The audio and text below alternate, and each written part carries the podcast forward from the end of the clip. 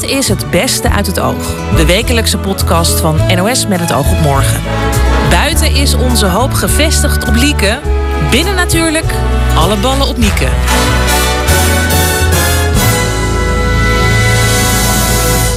Welkom eh, weer bij Het Beste uit het Oog. De podcast van Met het Oog op Morgen. Met de leukste gesprekken, de mooiste gesprekken van de afgelopen week. Het WK is begonnen en de dames van het Nederlands elftal zijn populairder dan ooit. Dat er jongens gewoon opkijken naar Lieke Martens, ja, dat is te gek. Acteur Nasdin Char speelde een voorstelling over wat de maatschappij kan leren van zijn gemengde huwelijk. En hij leerde ons ook wat Marokkaans. Stoemen. Stoemen. Wat, wat? Ik sprak met oud-international Leonne Stendler en correspondent Suze van Kleef over het WK vrouwenvoetbal. Leonne vertelde dat het elftal een stuk serieuzer wordt genomen. Ik denk de belangrijkste verandering dat, het, ehm, dat we er echt professioneler mee omgaan. We zijn aan het eh, echt aan het discussiëren over wie er eh, centraal achterin moet spelen. Hè. Vroeger ging het vooral over waar staan we ten opzichte van het mannenvoetbal. En nu kijken we naar een sport aan zich. Eh, waar staan we, waar gaan we naartoe, wat zijn onze kansen? En dat vind ik wel een hele grote stap die er is genomen. Ja, jij was erbij toen het een Nederlands eh, elftal in 2009 debuteerde bij het EK. Nee, ik zat in de voorselectie. Je zat in de En voorselectie. ik, ben, ik was bij het EK in 2013, waar we glansrijk eh, zonder doelpunten eh, naar huis gingen. Na de poolfase gelijk. Maar ik begreep dat dit 2009, dus tien jaar geleden, dat dat een beetje wordt gezien als het start zijn. Want toen opeens verschenen die dames of die vrouwen vanuit het niets, kwamen ze in de halve finale terecht. Toch? Ja, dat was inderdaad eh, met Vera Pauw als coach. Ja. Voor het eerst gekwalificeerd voor een eindtoernooi. En toen gelijk inderdaad een bronzen medaille gepakt. En toen, dat waren de eerste stappen naar waar we nu zijn. Dus we werden gezien, eh, de NOS heeft het uitgezonden. Ehm, A-status eh, voor speelsters. Dus inderdaad. eh, geld. Je kunt je belangrijk. eh, op de sport gaan richten, eindelijk. Eh, dat gebeurde allemaal na die eh, ene prestatie. Ja, en dat was in eh, eh, jouw tijd, Suze, wel, eh, wel anders, hè? Ja, wanneer speelde jij? Jij speelde in het Nederlands elftal onder 17 en 19. Ja, Dus dat zijn twee verschillende elftallen. ja eh, dat, onder 17 speel je als je 15, 16, 17 bent. En onder 19 speel je als je wat ouder bent. Eh, dus, eh, Maar je bent nooit doorgegaan dan? Nee, nee, nee. Ik heb mijn kruisband afgescheurd toen ik 17 Ah. was. Dus dat is ja, veel voorkomende blessure. En ik besloot niet negen maanden te revalideren, maar iets anders te gaan doen. En me op een maatschappelijke carrière, et cetera, te richten.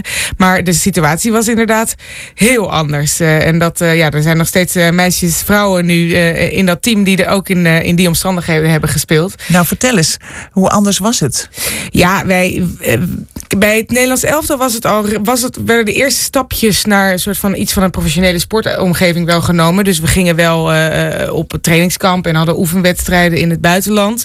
Ehm, maar bijvoorbeeld bij onze clubs waren er heel veel vrouwen die, ja, die speelden, dus trainen twee keer per week. eh, terwijl je speelt dan toch wel in, op het hoogste niveau in Nederland. En eh, een paar kilo overgewicht was ook echt helemaal geen probleem. Nee. Ja, dat, Nou, dat, dat kan is- nu ook niet meer. Nee, nee, dat is echt. eh, echt En dat- ha- hadden jullie wel behoorlijke shirts en schoenen? Nee, nee, nee, helemaal niet. Nee, dus nou, schoenen kregen we één paar per jaar. Dus dat was het echt, echt feest. Dan was het alsof Sinterklaas was langsgekomen, zeg maar. En shirts en zo was, was gewoon mannenshirts. Dus ik ben redelijk klein van stuk. Dus dat kwam gewoon tot, tot de knieën vaak. Dus dan moet je het goed in je... Echt in waar? Ja, dat is... En die moest je ook nog zelf wassen, begreep ik. Ehm, nou, dat, dat, dat eh, gebeurde he- soms als je eh, eh, met Nederland zelf al weg was en eh, dan was het niet zo goed geregeld. Dan moest je. En dan gewoon een sopje in de wastafel. En dan werd het gewoon opgehangen in de kamer. Als je voor je training schone spullen wilde, dan kon dat wel eens voorkomen. Ja, jij zit te knikken, Leonne. Heb jij de, je shirtje ook wel eens in een Ja, sopje zeker. in de wastafel uitgespoeld? Absoluut, ja. En zeker ook hè, dingen als een sport BH. Ja, dan moest je dan wel even zelf wassen als je de volgende training weer fris eh, erop wilde staan. En moest je die ook zelf kopen, die sport BH? Ja, ja dat, dat was heel normaal natuurlijk. En ik denk dat het nu eh, een hele andere kant is. Nu wordt eigenlijk alles gesponsord. Eh, maar ik denk dat wij beide uit de tijd komen dat, het, ja, dat we blij waren dat we mochten voetballen. Nou ja, je, je hebt in 2013 meegedaan in Zweden. Het is dus niet zo heel goed gegaan, begreep ik. Maar was er toen al iets veranderd? Ja, ik denk dat er juist um, door het resultaat in 2009 en door alle uh, energie die Vera Pauw erin heeft gestopt met het starten van een eredivisie, met in plaats van twee keer trainen in de week, vijf, zes keer trainen in de week bij een BVO, dat dat heel veel in gang heeft gezet en dat we dat al toen uh, bij het Nederlands elftal ook al merkten. Veel speelsters naar het buitenland, iedereen gedroeg zich uh, ja. professioneler. En ja, dat zijn kleine stappen die toen al werden gezet en waar we nu allemaal de vruchten van plukken. Ja, BVO is betaald voetbalorganisatie. Ja. ja wat vinden de mannen eigenlijk? Suus, ik weet niet of je dat weet. Wat vinden de mannen van het Nederlands elftal van de vrouwen? Weet je dat? Is er een soort kruisbestuiving? Leren nou, wel van... redelijk. Dat zie ik de laatste tijd in ieder geval op uh, social media en dergelijke. Dat ze wel uh, op elkaar reageren. En uh, vorige week was er een open dag in Zeist. Waar zowel de mannenteam als het vrouwenteam was. En dan gaan ze ook met elkaar. Dus dat, dat mixen, ze, mixen ze dan ook.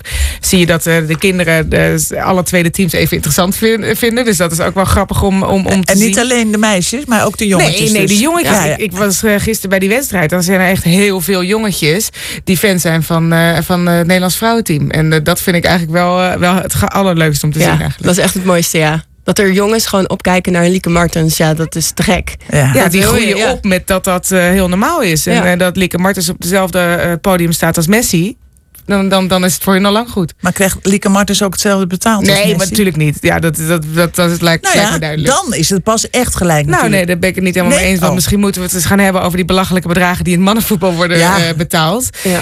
Uh, volgens mij moet gelijkheid veel meer gaan over uh, faciliteiten, hoe vaak je kan trainen, dat je kan leven van je sport. dat zijn denk ik de dingen waar je achteraan moet gaan. En die, die honderden miljoenen per jaar, ja, dat Is dat dan nog steeds niet een feit dat die, die gelijkheid in training en dergelijke? Nou ja, dat is iets waar nog wel aan gewerkt kan worden. Kijk, het Nederlands elftal vrouwen, dat, dat, daar is dat, zijn de faciliteiten top. Wordt, uh, wordt volledig, uh, is volledig gelijk getrokken. Um, maar uh, bij clubs en daar, daar kan nog wel wat, wat, wat aan gebeuren, ja. denk ik. die goede prestaties van die... wat vinden jullie er eigenlijk van dat Oranje Leeuwinnen worden genoemd? Ja, nou ja, het is een, uh, ooit een marketingterm die, uh, ja, nee, die erin is gegooid. En uh, nou, hij lijkt goed te werken. Ik bedoel, ja. we weten allemaal wie het zijn als we het over de winnen hebben. Ja, dus misschien niet de allermooiste naam, oh. maar hij werkt zeker. Dus ik ben er blij mee. heb je wel eens nagedacht of er een betere naam zou zijn? Ja, ik zou gewoon altijd willen zeggen het Nederlands elftal. Of nou man of vrouwen zijn. Hè? Ja, dan gewoon heel... Ja. Laten we gewoon lekker het noemen zoals het is. Maar het is natuurlijk begonnen met die goede prestaties hè, van die oranje leeuwinnen. Daardoor is het populair geworden.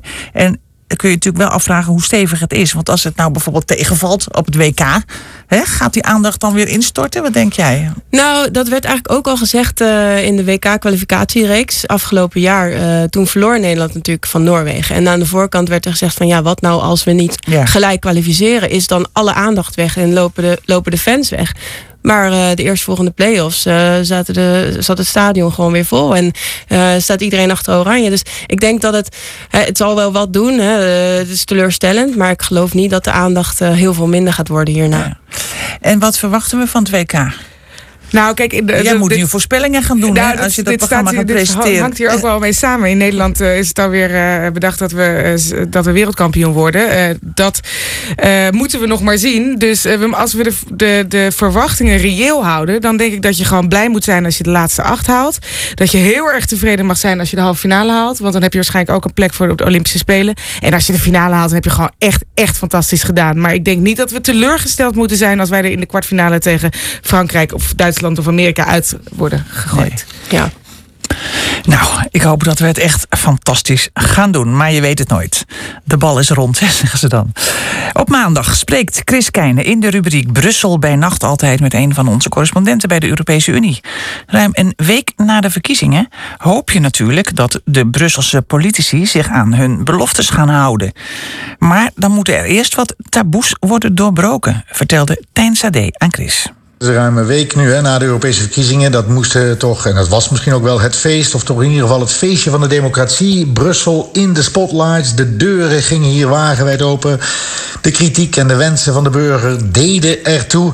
Maar ja, het gevaar ligt natuurlijk alweer op de loer. Dat Brussel zich nu weer sluit als een oester. En dat heeft alles te maken met hardnekkige Brusselse taboes. En ik heb uh, voor jou voor de gelegenheid de top drie van taboes uh, op een rijtje gezet. Kom maar op, we beginnen met nummer drie. Ja, dan komen we meteen met nummer drie bij het Spitsengedoe. Weet je nog wel? De kandidaten, de Spitsen namens het Europees Parlement... om Juncker als commissievoorzitter op te volgen. Nou, stemde je CDA vorige week, of uh, anderhalve week geleden in Nederland... dan kreeg je Spits Manfred Weber, de Duitse christendemocraat, bij. Mm-hmm. Stemde je PvdA, dan kreeg je Spits Timmermans. Nou, heel democratisch, hè, vanaf een afstandje bekeken, toch? Maar ja, wat zien we nu al gebeuren? Weber wordt hier in de coulissen in Brussel al dood Weber is dood, dat is het mantra. Hij voldoet niet aan het profiel van een internationaal onderhandelaar. Hij moet het van Angela Merkel hebben, maar haar regering is wankel. Men is ook uit op wraak, omdat Weber nou eenmaal staat voor dat uh, vooral in Zuid-Europa gehate Duitse beleid van harde bezuinigingen. Nou, ga zomaar door. Het taboe, Chris, is alleen wie durft het Weber te zeggen? Niemand. Hmm. En intussen houdt die andere topspits Timmermans zich maar wijselijk stil. Maar ja, maakt hij een kans als Weber ernaast grijpt? Ook dat is zeer onzeker, want dan moeten er eerst weer wat christendemocratische regeringsleiders overlopen naar het kamp van sociaaldemocraat Timmermans. Nou, ja. je voelt hem al aankomen, ook dat is allemaal uiterst taboe. Oké, maar het is natuurlijk eh, een, een soort competitie al eh, de hele tijd tussen het parlement en de regeringsleiders. Kunnen ze dat wel maken dan? Eerst eh, die hele Spitzenshow op gang laten komen en Europa door laten trekken en ze dan nu de nek om gaan draaien? Ja, ze kunnen het maken, formeel, want uh, in, de, in de verdragen staat dat... Hè, dat regeringsleiders enkel rekening hoeven te houden... met die uitslagen van die verkiezingen. Ja, en dat parlement wilde nou eenmaal in meerderheid... die hele spitsenshow optuigen. Veel regeringsleiders wilden dat niet. Die hebben gezegd, ja, je doet maar. Ze zullen er toch wel uh, een beetje een ongemakkelijk gevoel bij hebben... als ze werkelijk geen enkele spits, uh, ook maar enige topfunctie gunnen... maar echt rekening mee houden. Uh, daar blijft het een beetje bij. Uh, en ze gaan waarschijnlijk toch op de achtergrond gewoon uh, iemand uit, ja, uit, uit hun midden toch weer naar voren dragen. Oké, okay. door naar taboe. Nummer 2. Een zeer hardnekkige Chris. Met een hoge opkomst, hè, uh, toch hogere opkomst uh, bij de verkiezingen. Nou, was de boodschap toch wel heel duidelijk van die 200 miljoen kiezers die de moeite namen om te gaan stemmen. Wij, 200 miljoen, wij voelen ons wel degelijk betrokken bij wat Brussel doet. Maar in alle campagnes bleef één zaak in de taboesfeer. Waarom willen onze bekende toppolitici dan niet naar Brussel als dat door 200 miljoen burgers zo belangrijk gevonden wordt? Nou, opnieuw worden toch weer betrekkelijk onbekenden naar het Europees Parlement gestuurd. Zij die blijven zitten waren voor veel Nederlanders al onbekenden en zullen dat waarschijnlijk de komende vijf jaar weer blijven. Ja, hoe dat kan, een echte discussie daarover, blijft dus nog steeds een taboe. Ja, want uh, in die zin is het vreemd. Uh, het is niet het uh, slechtst betaalde baantje van Europa, toch, Europarlementariër? Nee, dat is het enige waar dus wel heel veel over gediscussieerd is. Over wat ze verdienen, maar niet dus over de kwaliteit en uh, waarom daar toch nog altijd onbekenden naartoe worden gestuurd. Zeker, je wordt er niet arm van, je verdient goed. Maar kennelijk is toch de vrees voor dat enge, complexe Brussel, uh, die vrees is groot. Uh, vertrekkend veteraan, Europarlementariër van, de, van de SP, Dennis de Jong, die sprak ik daar vandaag over. Ja, en die zei: Het probleem is, als je uit Den Haag naar Brussel gaat, dan ben je een beetje uit beeld. een kans op een optreden in uh, bijvoorbeeld Pauw ja, is nog kleiner dan je als backbencher in Den Haag uh, hebt. Ja, en daarbij het Europees Parlementswerk is ook werkelijk wezenlijk anders. Hmm. Veel meer onderhandelen in alle talen, veel meer technische procedures, slopend, traag, wordt dus kennelijk niet aantrekkelijk gevonden. Ja, wat je wel ziet, zeker bij een VVD, dat ze het Europees Parlement een beetje als een kweekvijver gebruiken. Janine Hennis zat er, werd minister. Cora van Nieuwenhuizen zat er, werd minister. Maar ja, toch, Brussel blijft een rare buitenpost. Zo wordt dat gevoeld. En dat juist in Brussel steeds meer wetten worden gemaakt... die dus in Nederland grote invloed hebben... ja, dat moet dan kennelijk maar in de taboesfeer uh, blijven. Over taboes gesproken, door naar... Nummer 1. Ja, top taboe. Uh, en dat is ook meteen uh, het hoofdpijndossier. Het hoofdpijn, uh, hoofdpijndossier op de valreep van dit seizoen... dat is de verdere uitbreiding. Met landen op, je voelde hem al aankomen, de Balkan. Ja. Nou, donderdag, donderdag is er ook debat over in de Tweede Kamer. Houd dat in de gaten. Nou, 18 10 juni, dat is over twee weken, moeten hier in Brussel de ministers van Buitenlandse Zaken echt een besluit gaan nemen. Dat gaat dan vooral over Noord-Macedonië, Albanië. Nou, hoorde je daar in de aanloop of tijdens de verkiezingen niks over? Nou, dat klopt. En dat had een hele simpele reden. Het ligt super gevoelig. Het werd dus bewust over die verkiezingen heen getild, want anders zou dat de anti-EU-partijen, die van uitbreiding niks willen weten, extra wind in de zeilen hebben gegeven. Maar ja, vanaf aanstaande woensdag ligt het hier in Brussel al als een hete aardappel op tafel, want dan buigen de 28 EU-ambassadeurs zich er al over, samen met uitbreidingscommissaris Haan. Ja, blijft het dan een taboe of wordt er dan geknaagd aan dat taboe? Dat wordt de vraag. Ja, dat wordt de vraag. Maar Brussel kennende kan het antwoord nog wel even op zich laten wachten. De afgelopen maanden trok Nasserdine Char door het land met een voorstelling over zijn huwelijk en de manier waarop hij en zijn vrouw omgaan met hun culturele verschillen. Hij sloot de voorstellingenreeks af op een bijzondere manier, door zelf twee mensen te trouwen. Dat begon natuurlijk als een soort ludieke actie. En nu is het uh, toch wel realiteit geworden, ja. ja, Ja. Ik ben uh, daarvoor babs geworden. Ik heb mijn uh, papieren. Oh, je mag het ook echt. Je bent Ik mag het beëdigd echt, ja. trouwambtenaar. Ja, ja, ik ben beëdigd trouwambtenaar. Ja. En een aansluitend de receptie in de kleine komedie. Ja, inderdaad, ja. Na de matineevoorstelling is er een officiële ceremonie. En die mag ik leiden. Ja. Wat was voor jou de reden om deze voorstelling ja te maken? Ehm, ik was heel erg weer op zoek naar een onderwerp waarbij ik toch ook iets over ehm, ja, onze huidige samenleving eh, zou, kon, zou kunnen vertellen. Eh, maar dan niet, niet zeg maar eh, direct, maar eerder met een soort. Ja, hoe zeg je dat? Eerder impliciet. En toen kwam ik al vrij snel. Ik, had, ik heb al een voorstelling gemaakt over mijn moeder. Een voorstelling over gemaakt, gemaakt over mijn vader. Ehm, en nu dacht ik, de liefde. En de liefde tussen mij en Amy staat van. eh, toen ik daarover na ging denken, toen dacht ik, ja, dat is best wel. Best wel een mooi symbool voor hoe ik naar de samenleving kijk. Want Weet je, Amy is- is jouw vrouw. Amy is mijn vrouw. Zij is, eh, zij is eh, kwart eh, Indisch, Nederlands, Indisch. En ik ben Marokkaans. Dus, dus we hebben heel erg te maken met de verschillen. En Nederland heeft natuurlijk ook te maken met al die verschillen. En Ja. ja. ja, de manier waarop, waarop wij omgaan met die verschillen, dat gun ik Nederland eigenlijk ook. Wat Dus vertel manier- tegen wat voor verschillen je dan aanliep bij Amy? Nou ja, er zijn natuurlijk heel veel verschillen. Ik ben gelovig, zij niet. Ehm, ik heb een Marokkaans achtergrond, dus ik heb heel veel aardig wat. Er zijn wat cultu- culturele verschillen. Ehm, er is bijvoorbeeld een belangrijk onderwerp in de voorstelling is het woord hshuma. En dat heeft dat is heel, heel erg te maken met, met schaamte te maken.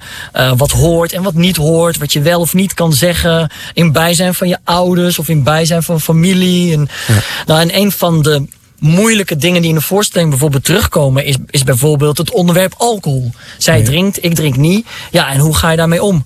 En, nou, en, hoe gaan jullie ermee om? Nou, vrij. Ja, zij mag, Ja? zij mag drinken wat ze wil, maar ik drink niet. ik, heb, ik, heb zelf, eh, ik heb zelf moeite met mensen die dronken zijn. Daar, daar hou ik zelf niet zo van. Ik, heb, eh, ik zeg letterlijk in de voorstelling dat, ik, dat mensen lelijk worden als ze dronken worden. En ja, ik, dat is ook gewoon zo. maar nou ja, als, als Amy een wijntje wil nemen, dan eh, is zij daar volledig vrij in. Jij noemde dat, net dat tjuma, hè? dat zal ik vast Ja. niet goed uitspreken. Eh, Wat, wat, wat, wat is dat nou precies? Ja, je- dat is heel veel. Maar misschien kan ik het het beste definiëren als gepast of on- ongepast. Eigenlijk is alles wat Hashuma is, is ongepast. Oh ja. Geef een Ja, en, dat is natuurlijk, en dat is natuurlijk heel veel. Geef een voorbeeld. Ehm, nou, bijvoorbeeld in de Marokkaanse, in de Marokkaanse gemeenschap is bijvoorbeeld eh, te weinig eten op tafel als er gasten komen. Oef, dat is echt, eh, dat is echt Hashuma. ja. Maar wat ook hashuma is, is bijvoorbeeld over seks praten in bijzijn van je ouders. Dat is hashuma, dat kan echt niet. Ehm, poef, ja, zo zijn er nog heel veel. En, en, eh, ik, ik En heb, moet je eh, daar eerst overheen stappen voordat het wat wordt samen? Ehm, nou, weet je, ik, ik heb nergens overheen hoeven te stappen, omdat ik nou eenmaal ben wie ik ben. En ik heb daar altijd eh, mijn eigen weg in gevonden. Voor mij gaat dat woord hashuma, wat ik belangrijk vind, er is ook iets heel moois aan dat woord hashuma. Want voor mij persoonlijk gaat hashuma over fatsoen en respect. je, het, eh, gewoon dat je, dat, je, dat je met fatsoen eh, met elkaar praat en met elkaar omgaat. Als je dat niet doet, dan zie ik hashuma. Dan, dan zou ik zeggen ema, maar dat is echt hashuma. Als je, als je oude mensen niet met u aanspreekt, dan is dat gewoon hashuma. Programma. Snap je? Dus op die manier, dat, zo werkt voor mij dat woord. Ja. Is het Eh, nou, als je, als je succesvol eh, samen uit verschillende culturen samen wil leven, dat je ook een deel van je eigen identiteit moet opgeven? Hmm, dat, vind ik een, eh, dat vind ik een hele goede vraag. Ja, ik dacht, mag ook wel een keer een goede tussen zitten. Ja, dat vind ik echt een goede vraag. Ik, ik, geloof, ik geloof niet dat ik een deel van mijn identiteit heb opgegeven omdat ik met Amy ben. Ik vind juist dat wij onze identiteiten eh, hebben kunnen behouden en daar juist ehm, de rijkdom in hebben gevonden. En elkaar alleen maar aanvullen daarin. Of, word je, Dus- of is het omgekeerd het geval dat je misschien wel Marokkaanser wordt met iemand van een andere cultuur naast je?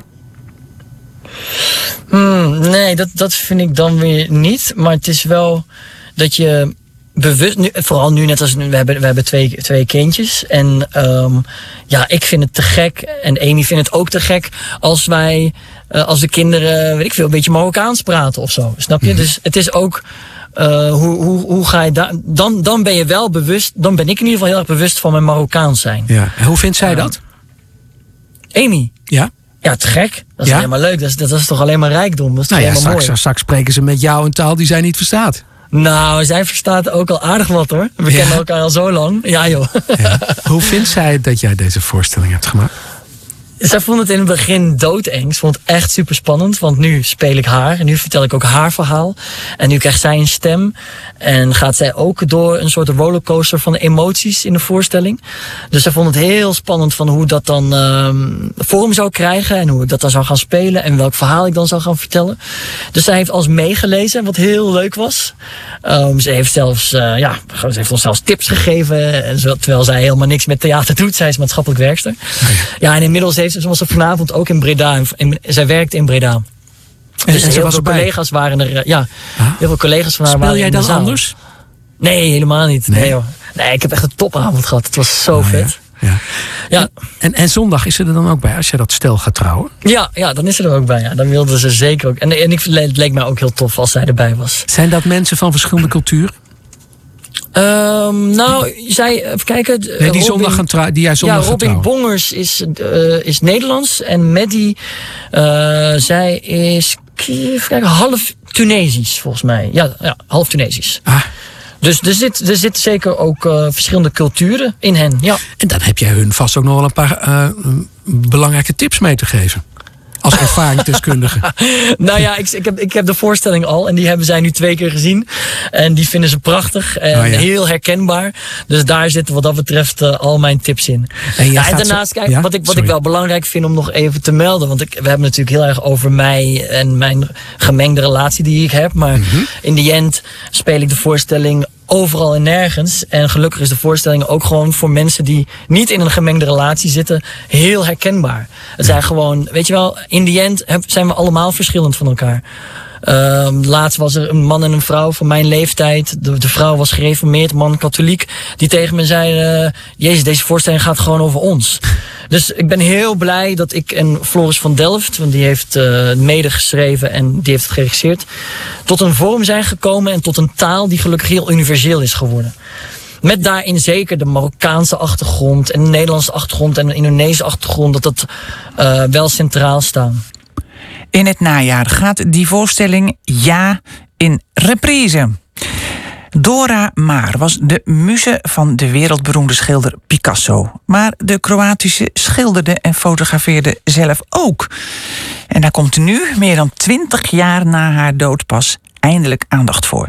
Deze week opende in Parijs in het Centre Pompidou een tentoonstelling van het werk van Dora Maar. En ja, dat is opvallend, vindt kunsthistoricus en oud-directeur van het Rijksmuseum Wim Pijbes. Dat is best wel bijzonder. Ze heeft, eh, eh, wat je zei, een, een korte relatie gehad met eh, Picasso. Eh, ze was ook overigens niet de enige vrouw die dat had. Dat, eh, hij versleet ze bij de vleet. Ehm, maar goed, Dora Maar in een hele belangrijke periode. De, de, de jaren wanneer hij die Guernica schildert. Maar ook eh, deze Dora Maar zelf heel vaak portretteerde als een, als een soort huilende muze. Ehm, in een dramatische periode, eind jaren 30, de eerste jaren van de, van de Tweede Wereldoorlog. Dat zijn die hele beroemde portretten. Eh, die vrouw die je daar meestal op afgebeeld ziet, dat is deze Dora Maar. Maar die was zelf ook een kunstenares, fotograaf met name.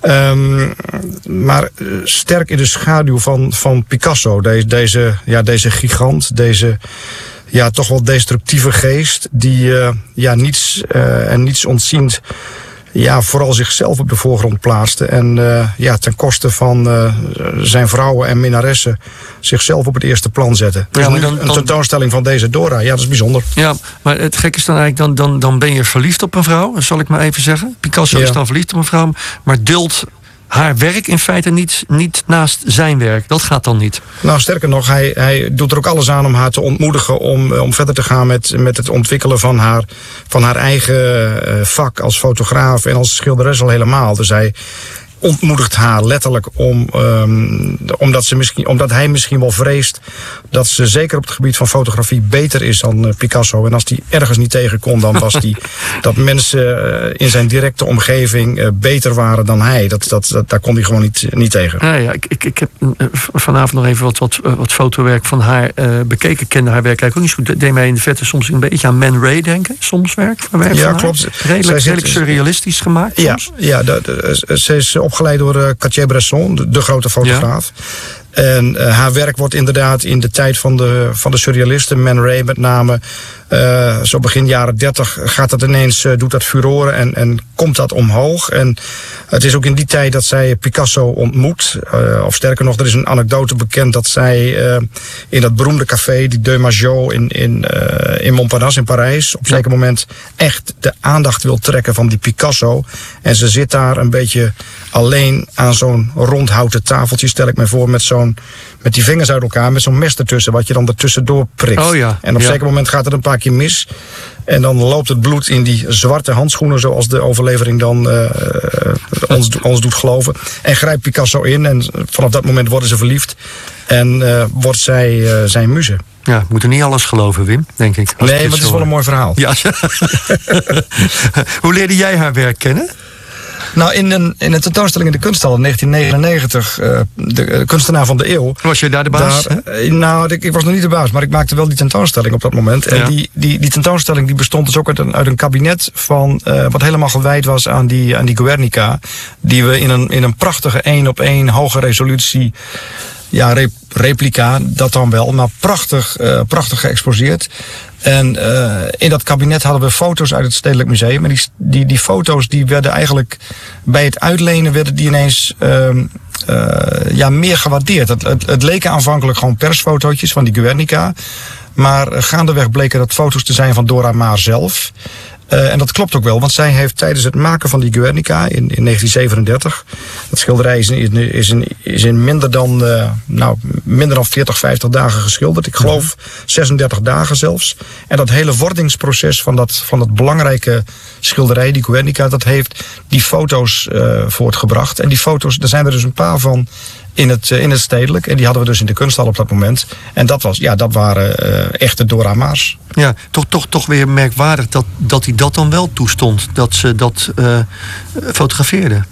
Ja, op dat moment nog wel, want toen was de, de liefde nog pril. Ze hebben elkaar, eh, ik geloof in 1936 voor het eerst ontmoet. En dit was 1937, dus toen kon het nog net. Maar de jaren daarna, ja, verdween hij, zij eigenlijk vooral in de rol als, als model. Als, als ja, weeping woman, zoals het dan op zijn Engels heet. Dus huilende vrouwen. En Picasso heeft ook gezegd, dat is nog zo'n anekdote voor wat het waard is. Ik herinner haar mij vooral als een huilende vrouw. Nou ja, dat is natuurlijk ook niet op, zijn mooist. Het heeft overigens wel prachtige schilderijen opgeleverd. Ja, eh, eh, zeker. Ook, ook die heb ik eh, bekeken vanavond. Even weer een paar. Ze zijn heel mooi, maar het is ook wel schrijnend om haar alleen maar huilend af te beelden. terwijl je verliefd op haar bent. Of bent geweest in ieder geval. Ja, ja, ja, dat is eh, helaas het lot Ja. van. eh, hoe, lot van hoe, deze hoe, leg je dat, hoe leg je dat uit, hoe Picasso dat dan deed? Want hij was talloze malen verliefd, althans viel veel op verschillende vrouwen. Eh, maar, maar hoe zat het bij hem dan? Hoe snel was dat dan steeds weer over? En waarom ging het dan over? Ehm, nou, daar is, daar is heel veel over geschreven en ook heel veel getheoretiseerd. Dat weten we niet precies. Wat wel vaststaat is dat, dat iedere, iedere stroming, iedere wending die hij in zijn, in zijn artistieke loopbaan eh, doormaakte, die ging gepaard met een nieuwe minnares of een nieuwe vrouw. En sommigen zeggen dat ging net andersom. Dus iedere vrouw ging gepaard met een nieuwe wending in, zijn, in zijn loopbaan. Of het was net andersom. Nou goed, eh, hoe het ook zij. Hij heeft er een, nou, een stuk of zeven, acht vrouwen gehad. Uh, twee daarvan ooit nog zelfmoord gepleegd, kort na het overlijden van Picasso zelf. Dus het is één groot tranendal, die hele, dat hele persoonlijk leven van Picasso. Maar uh, wat wel duidelijk is, is dat deze ja, gigant die oud geworden is, ik meen 91, uh, en een enorm oeuvre heeft gemaakt. waarbij die vrouwen steeds als een soort wisselende muzes uh, deze grote kunstenaars telkens opnieuw inspireerden. En dat uh, eigenlijk gedurende een groot deel van die 20e eeuw hebben gedaan. Ja, en nu ook... is een van die muzes, ja, die staat dus nu zelf in het, uh, ja. in het zonnetje. Wat ook eigenlijk wel weer bij deze tijd past, zou je zeggen. Ja, het opvallende is dat er de laatste jaren meer, meer aandacht is voor vrouwelijke kunstenaars. Uh, de tentoonstelling gaat na het Centre Pompidou ook door naar de Tate en naar, naar de Getty in, uh, in Amerika. En wordt ook gesponsord door de, nou dat mag ik wel even zeggen, denk ik, door de Chanel uh, Foundation for, for, for, for Women in the Arts. Dus het, het zit heel erg op die, op die vrouwentour. Mhm. -huh. En het, ik moet ook zeggen dat het werk van Dora Maar is, is, is meer dan interessant genoeg om om naar te kijken. En, en ja, de tentoonstelling in Pompidou, denk ik, uh, zal een, zal een eye-opener zijn. Ja. En zeker was, een herwaardering. Nou was ik er het weekend in Parijs, niet in Centre Pompidou... maar ik herinner me wel dat je daar soms echt in een bijzaaltje kunt belanden... en ook groot geëxposeerd kunt worden. Heb je enig idee of dit groot wordt? Uh, ja, dat is een goede vraag. Ik, ik, dat, dat zou best kunnen. Uh, als het werk van haarzelf uh, royaal wordt uitge, uitgestald. De Art Newspaper maakte daar een, een klein artikel, aankondiging van. De grootste tentoonstelling van haar tot nu toe. Nou, dan kan dat best een hele omvangrijke tentoonstelling worden. Um, dus ik ben eigenlijk wel heel benieuwd wat ze, wat ze daar gaan doen in Parijs. Ja, ik ook. Uh, ik kom net terug uit Parijs, maar ik ga meer opnieuw boeken. Het lijkt me, lijkt me verstandig. Om dus werk te zien uh, van Dora Maar, de Kroatische muze van de schilder Pablo Picasso. Dankjewel, Wim Pijbers. Graag gedaan, dank. Tot slot staan we stil bij het overlijden van Martine Bijl. Die overleed vorige week, 71 jaar, aan de gevolgen van de hersenbloeding die haar in 2015 al trof. Ze had veel talenten, zangeres, actrice, schrijfster, presentatrice en cabaretière. Daarom tot slot een kindersprookje van haar. Elfje, twaalfje. Ze schreef het, ze tekende het en ze zong het zelf. Tussen de dennen en machtige eiken, die met hun kruin tot het hemeldak reiken. Tussen het gras en het Engelse mos, leven de elfjes er lustig op los. Maar een van de elfjes zit aan de kant. Er is met dat elfje iets aan de hand. Dat zie je zo, dat zie je meteen. Ze zit zo verlaten, zo zielig alleen. Er is met dat elfje iets mis. Weet je wie dat elfje is? Het is elfje, twaalfje die je daar ziet. Elfje, twaalfje heeft zo'n verdriet. De andere elfjes dansen en springen. Ze zweven voorbij en ze lachen en zingen. Maar elfje, twaalfje kan al die dingen nog niet zo goed. Wat ze ook doet, ze is zo verdrietig en stil. Is er dan niemand, is er dan niemand die haar dat allemaal leren wil? Tussen de wortels en veilige stammen sluimeren varens en vochtige zwammen. Tussen de struiken met vlier en jasmijn spelen de egels met vos en konijn. Nu staan de dieren zwijgend bijeen. Ze zien daar dat elfje zielig alleen. Wat zou er zijn? Ze heeft zo'n verdriet. Wat zou haar toch schelen? Ze weten het niet. Maar dan zegt het hertje, ik weet hoe dat kleine elfje heet. Het is elfje, twaalfje die je daar ziet. Elfje, twaalfje, jij hebt verdriet. Je kunt niet goed dansen, je kunt niet goed springen. Wij zullen je helpen met al dat soort dingen. We zullen je leren te dansen en zingen zoals het moet. Sierlijk en goed, kom wees nu maar vrolijk en blij. Elfje, twaalfje, elfje, twaalfje, morgen is al je verdriet voorbij. Dat was het weer voor deze week. Dankjewel voor het luisteren. En volgende week dan ben ik er weer met een nieuwe week podcast. Dag.